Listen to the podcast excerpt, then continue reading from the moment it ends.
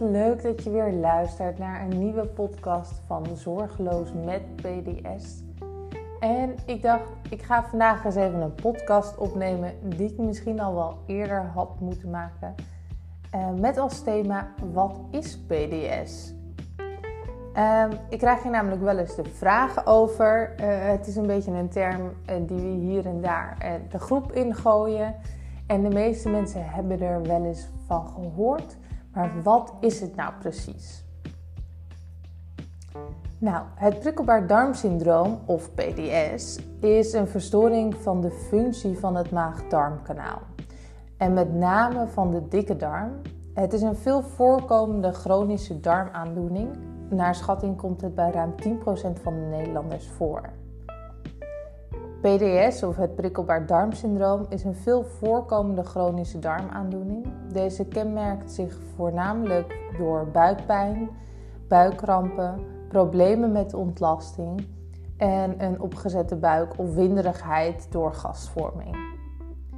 Mensen met PDS ervaren vaak ook diarree of juist verstopping. Uh, en het poeppatroon waarbij diarree en verstopping elkaar afwisselen komt ook voor. Pijn in de buik is de meest gehoorde klacht van PDS. De oorzaak van PDS is niet helemaal bekend. Uh, wel is de kennis over oorzaken en het ontstaan van PDS de laatste jaren wel enorm toegenomen. Er wordt gelukkig steeds meer wetenschappelijk onderzoek gedaan naar de oorzaak. Uh, maar verschillende oorzaken kunnen zijn, en deze zie ik ook wel echt heel erg veel terug, is een verstoring van de darm-breinas. En hierbij moet je echt denken aan stress, maar ook een trauma kan hier uh, van invloed op zijn. Deze heeft eigenlijk een directe uh, relatie met je darmen. En kunnen dus ook echt deze uh, symptomen van PDS veroorzaken. Een bacteriële dysbiose, die zie ik eigenlijk bij iedereen. en dit houdt eigenlijk in dat de balans tussen de zogenaamde goede en de slechte bacteriën verstoord is. En dit kan echt zorgen voor de gasophoping, maar ook voor een uh, niet goede vertering die verdere klachten kan geven. Daarnaast is een mogelijke oorzaak SIBO. Dat is een overgroei van bacteriën in de dunne darm. Vooral van bacteriën die komen uit de dikke darm. En die horen dus eigenlijk niet thuis in die dunne darm. SIBO kan zeer hardnekkig zijn uh, en de symptomen van SIBO komen eigenlijk volledig overeen met PDS. Uh, daarom wordt SIBO vaak over het hoofd gezien. Uh, SIBO is nog niet heel erg bekend bij veel artsen en daarom wordt er niet altijd op getest. Uh, je kan deze test doen door middel van een ademhalingstest. En dan wordt gekeken naar de gassen die de bacteriën produceren, of deze in verhoogde mate aanwezig is. Een andere oorzaak kan voedselovergevoeligheid zijn. Uh, dit kan natuurlijk van een product zijn wat bekend is in de allergenenlijst, maar het kan ook iets zijn waar je minder bekend mee bent en misschien dagelijks gebruikt en eigenlijk nooit direct last van hebt. Uh, maar je kan er wel echt gevoelig voor zijn. En als je dat dan natuurlijk blijft gebruiken, dan blijft die darmwand eigenlijk geïrriteerd raken. En zo kunnen jouw klachten blijven bestaan. Nou, welke klachten komen dan uh, het meeste voor? Dat is eigenlijk wel echt buikpijn. En deze buikpijn is gerelateerd aan de ontlasting. Dus vaak zie je dat uh, er heftige buikpijn is. En als iemand dan naar de wc is gegaan, dan hebt deze buikpijn wel weg. Uh, problemen met ontlasting, zoals diarree en of verstopping. Uh, dit kan dus of het een zijn of duidelijk het andere, maar het kan ook een afwisseling zijn tussen de een. Dus de ene dag kan je misschien diarree hebben en twee dagen later zit je weer helemaal verstopt. Uh, een opgezette buik en of een opgeblazen gevoel, uh, daar hoor ik eigenlijk iedereen over. En dat gaat natuurlijk altijd in combinatie met die ontlasting die niet lekker loopt. Hè. Als je erg verstopt zit, kan je natuurlijk ontzettend opgeblazen raken. Uh, maar het heeft dus ook weer met bacteriën te maken die gas produceren. En dan overmatige winderigheid. het niet kunnen inhouden van scheetjes, uh, scheten die heel erg ruiken, ehm, maar ook geluid geven. En daar ook wel zit altijd echt wel een stukje ja, schaamte bij natuurlijk. Het is natuurlijk heel gênant als je de hele tijd windjes moet laten en die ook nog eens heel erg stinken in je dagelijkse uh, doen en laten. Maar je ziet naast deze veel voorkomende klachten ook andere klachten. Uh, denk aan vermoeidheid, maagklachten, hoofdpijn, problemen met de blaas, pijn in de rug of in de zij en pijn bij vrijen. En deze laatste hier hebben we het niet zoveel over, maar um, intiem zijn met je partner, um, seksueel actief kunnen zijn, um, die vermindert echt bij mensen met PDS. En dat willen ze vaak niet zo Hè, daar hebben ze het liever niet over. Het is natuurlijk een beetje een taboe onderwerp misschien. Um, maar het zorgt wel ook weer voor spanning, spanning in de relatie. Het zorgt voor een verminderd vertrouwen in, um, jezelf. Hè, vaak bij vrouwen zie je echt wel dat ze door die opgeblazen buik, doordat die buik pijnlijk is, um, ja, zich niet meer comfortabel voelen met als iemand hen aanraakt. En ook kan vrijen natuurlijk de drang tot ontlasting oproepen. Dus als je een PDS hebt met de richting van diarree, dan kan vrijen dat nog meer op gang brengen. Um, en dus gaan ze dat soort situaties liever uit de weg. Um, wat ik al zei, PDS kan dus een grote en negatieve invloed hebben op het dagelijks leven. Vooral sociale activiteiten worden vaak vermeden. Denk dan aan uh, uit eten gaan, met vriendinnen of vrienden afspreken, maar ook op reis, op vakantie gaan, lange autoritten, lang in de trein moeten zitten. Uh, eigenlijk alles waar eten bij uh, hoort, voorbij komt, wordt wel echt vermeden omdat vaak voeding een trigger kan zijn voor de klachten. Is dan voeding de oorzaak van de klachten? Nee, niet altijd.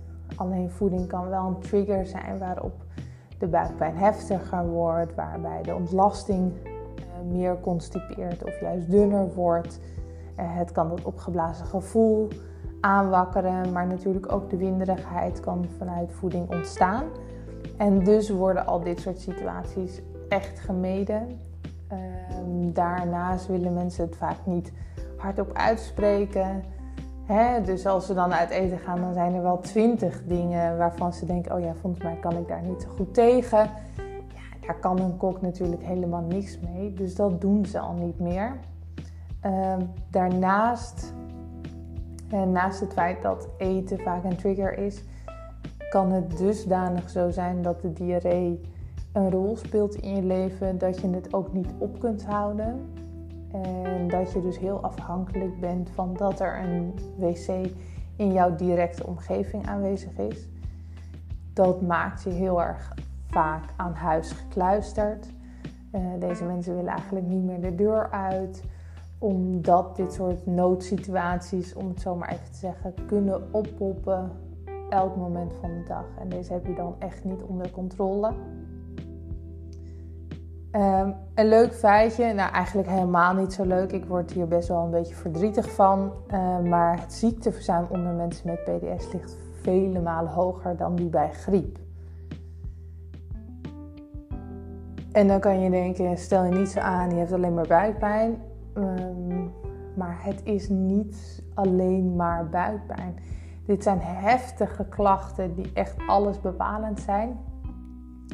En ik ben daar zelf ook geweest. Het heeft ook mijn leven echt in zijn greep gehad.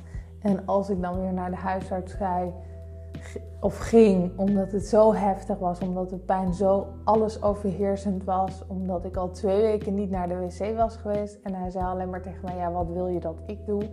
Dan kon ik daar zo kwaad van worden. Want ik dacht alleen maar: hoezo vraag je aan mij wat, hij, wat jij moet doen? Jij hebt hier toch voor gestudeerd. Jij bent toch dokter. Jij moet dit toch weten. Jij moet dit toch kunnen oplossen.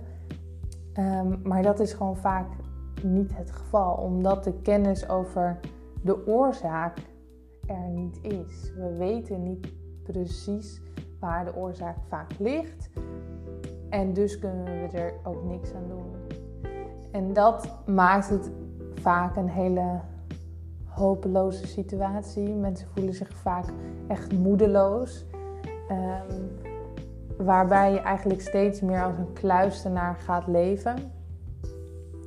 Er zijn gelukkig ook mensen die daar minder last van hebben, uh, die heel erg goed ondertussen hun weg weten in het dagelijks leven en wel misschien situaties vermijden, uh, maar daar vrede mee hebben. Uh, ik denk dat iedereen wel een kruik heeft in huis. Uh, want vaak is een warme kruik je grootste vriend als je echt weer last hebt van die messteken in je buik of buikkrampen hebt, dan zo'n lekkere warme kruik op je buik is dan echt heel erg fijn.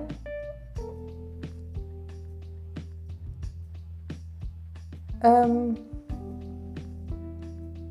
mijn insteek hierin is dat een uitgebreid ontlastingsonderzoek cruciaal is om de mogelijke oorzaak op te sporen. En dan heb ik het dus over de eventuele oorzaak van een dysbiose, van SIBO. Uh, maar er kunnen ook laaggradige ontstekingen zitten, die we dus niet in het bloed zien, maar die kunnen we wel in je ontlastingsonderzoek zien. We kunnen aan de hand van een vetzurenbalans zien of er ontstekingen aanwezig zijn. En dat is echt heel erg belangrijk. Het is heel belangrijk om echt een idee te krijgen hoe zit het met het darmslijmvlies? Hoe zit het met de doorlaatbaarheid van de darmwand? Is er misschien een leaky gut aanwezig? Hè? Dus zo'n doorlaatbare darmwand. Um, of is hij gewoon nog helemaal mooi en hebben we dus niet dat er voedselresten, om het maar zo te zeggen, de bloedbaan inkomen. Waardoor ook weer het immuunsysteem aanslaat. En waardoor je vaak meerdere klachten krijgt. Um, dus voor mij is een uitgebreid ontlastingsonderzoek echt cruciaal. Want als je de mogelijke oorzaak weet, dan kun je hier ook echt iets aan doen.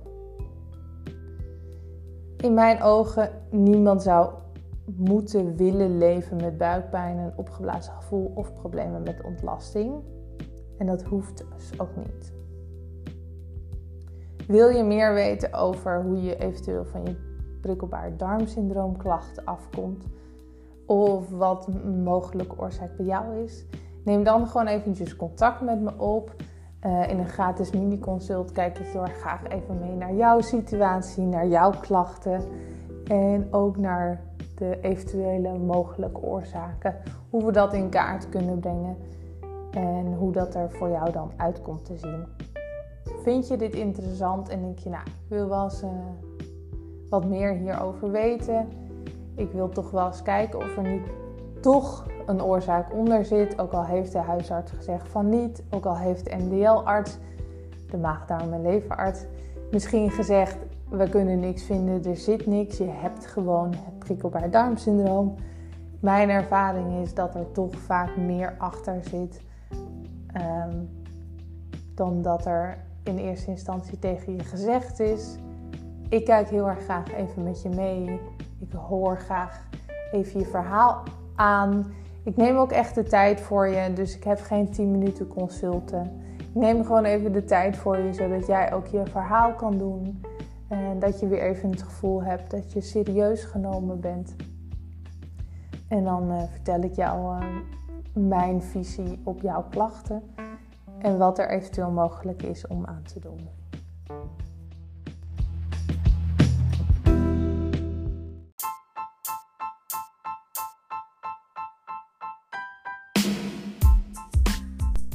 Bedankt voor het luisteren naar mijn podcast.